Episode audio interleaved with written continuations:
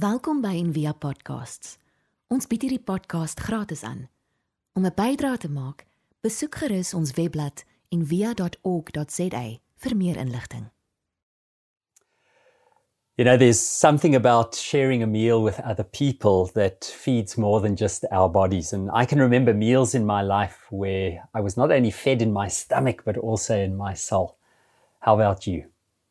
Today, we read about one of the most remarkable ways in which Jesus encounters people and turns ordinary events into revolutionary moments. And when I have heard the story of Zacchaeus preached in Luke 19, verses 1 to 10, so many times I've heard people speaking about the way in which Jesus neutralized Zacchaeus' sin. He was a, a very unpopular person during his time, a tax collector. Um, maybe there are tax collectors amongst us now. You're not that unpopular, don't worry. But Zacchaeus is called by Jesus out of that sycamore tree, and um, Jesus does, does something truly revolutionary.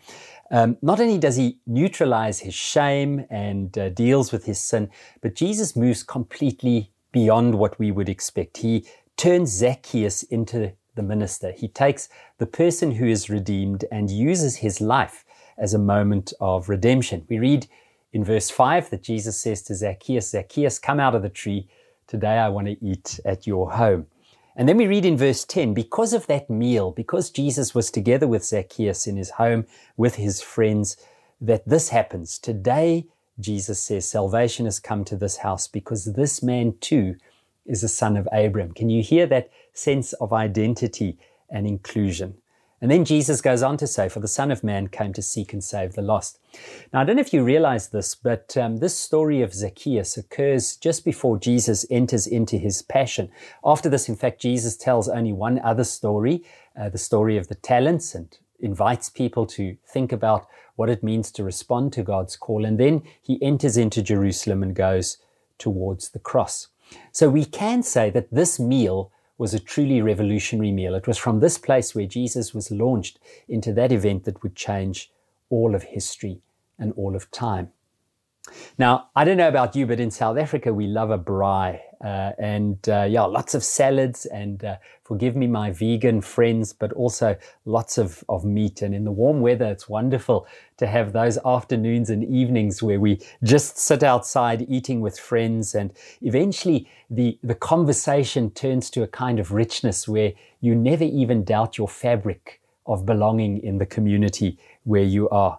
And I wonder about you. Do you have memories of being at tables with people that are like that? Maybe it's not your childhood family.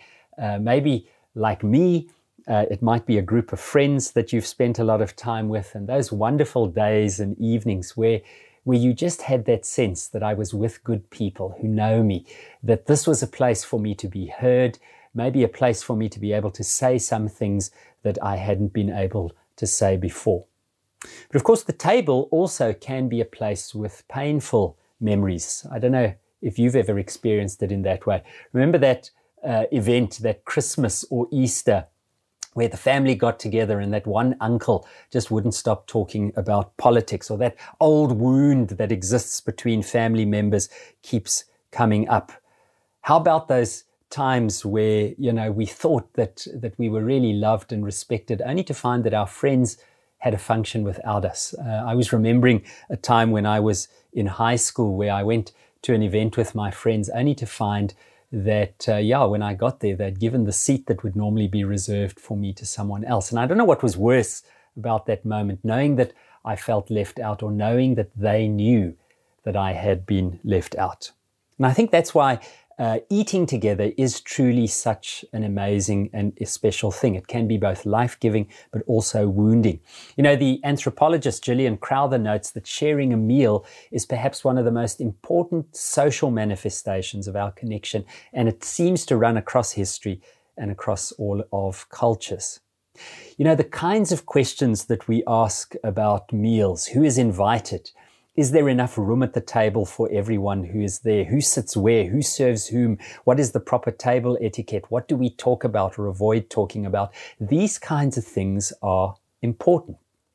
And one of the things that I've also seen in my life is that when people are excluded for long enough, when they live with the rejection of not being welcomed for long enough, when they have to deal with that lack of respect or contempt, sometimes the rejection and contempt when it's been had for too long can even become a place of revolution. And this is what happened in 1960 when four black students in North Carolina walked into a Woolworths five and dime store on the 1st of February in what now marks the beginning of Black History Month. That was 62 years ago. Years later, one of the four men who went to go sit at that Woolworths counter in a, a protest against the whites only rules of that uh, day, Franklin McCain spoke about it and he, he said it was exhilarating. And I quote, he said, I had a, a feeling of liberation. I was on a natural high. I felt almost invincible. It's a feeling that I don't think very many people would have. My humanity was restored. Well, because of the power of what they were doing, protesting segregation, those four men came back the next day and were joined by 15 more students. And on the third day, there were 60. On the fourth day, 300 people showed up. And within a week, sit ins were happening at lunch counters all across the United States. And this became such an important moment in the civil rights movement that, as I say, it now marks the beginning of Black History Month. And of course, the lesson that we learn is that sometimes when people sit down together at the table, they end up changing the world. And Jesus knew this.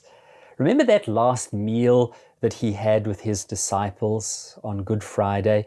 And we read about it in Luke 22, verse 19, when Jesus says, Whenever you do this, Whenever you sit down together, remember me. And that's for me one of the most remarkable things because not only did his disciples continue to eat together, but we read in Acts chapter 2, verse 42, that they took remembering Jesus in the meal very, very uh, uh centrally. It was a very important thing for them. You know, the New Testament scholar Scot McKnight notes that um, these boundary breaking events, where, as we read in Acts chapter 2, verse 42, the disciples got together with people across race bars, across economic bars, across gender bars, that breaking those boundaries were perhaps one of the most remarkable things of the time. It went against tradition and everything that was regarded as holy and pure and righteous. It was radically offensive to the cultural sensibilities. And of course, we read about it in the story of Zacchaeus today. One of the great claims against Jesus in this story is that they say the Son of Man came eating and drinking, and, and look at him. He eats with drunkards and gluttons. He's a friend of tax collectors. You know, Jesus being at meals demonstrated a new social order. In fact, some people have claimed that this was even the reason why Jesus was killed, because he wouldn't stop eating with the wrong people. Now, on that last night of his life, he told his friends around the table, Whenever you do this, whenever you gather at the table, remember me. And they took him very very seriously. They started sharing their meals in each other's homes and they started sharing what they had with those in need. And they remembered him in how they lived. You see, the first Christians began their life together around the table. Remember that the church was born in Acts chapter 2, that meal that we read about. And it's a physical reminder of a spiritual truth. That connection to other people not only feeds us physically, but it also nurtures and sustains us psychologically, emotionally, and spiritually. Now, friends, I don't know about you, but when I think about the world today, the people, the world needs people like us, people who are willing to live the scandalous truth of equality and liberation, who are willing to to, to break the boundaries of social convention and welcome everyone in. You know, when I think about it, the table at which we sit, sit is the table of the Lord. Jesus is the host at that table, and we don't get to decide who's invited. Our job is to figure out how we live with those whom Jesus has invited. You know, on that first day when Franklin McCain and his friends sat down at the lunch counter, he recalls that there was an older white woman who sat just a few chairs from him. And he says, in 1960, in North Carolina, when an older white woman sat across from four young black men, you could think she wasn't thinking very good thoughts. But McCain recalls that when he and his friend Joseph McNeil were sitting there, she came and she put her arms on their shoulders and she said, Boys, I'm proud of you. I only regret that you hadn't done this 10 years earlier. And so, friends, I want to invite you today. I want to invite you to think about those places of exclusion in which you might be able to host a table that breaks the social boundaries, where you might be able to remember Jesus in the sharing of something that nurtures people's lives. And maybe it e- even is in the sharing of a meal. What about hosting a space where someone who perhaps works for you or works with you eats in your home? What about sharing a space where someone who has been excluded can feel that they belong? What about having the courage to say you're going to disrespect the seemingly sacred traditions of class and caste and race and social standing, and that you're going to be like Jesus and welcome everyone and love without limits? You see, it's at the table where we practice the scandalous truth of absolute affirmation, of acceptance, of equality and belonging. And then as we encounter Jesus there, we can go out into the world and live with truth, knowing that it may offend and anger some people, but that at the end of the day, Jesus loves wins. And so I want to invite you this week to do something simple, to host a table, physically or virtually, host a table and let's eat and share and witness to a better way of living so that we and our children and their children can live together in the kind of generosity and love that God desires for us. Come, let us pray. And so, loving God, we thank you for the example of Jesus who redeems Zacchaeus and turns him not only from a person who was a sinner into a neutral individual, but uses his brokenness to host a table for other broken people. We thank you for the revolution that can take place as we live in generosity and freedom and host the table where you invite who you want to be there.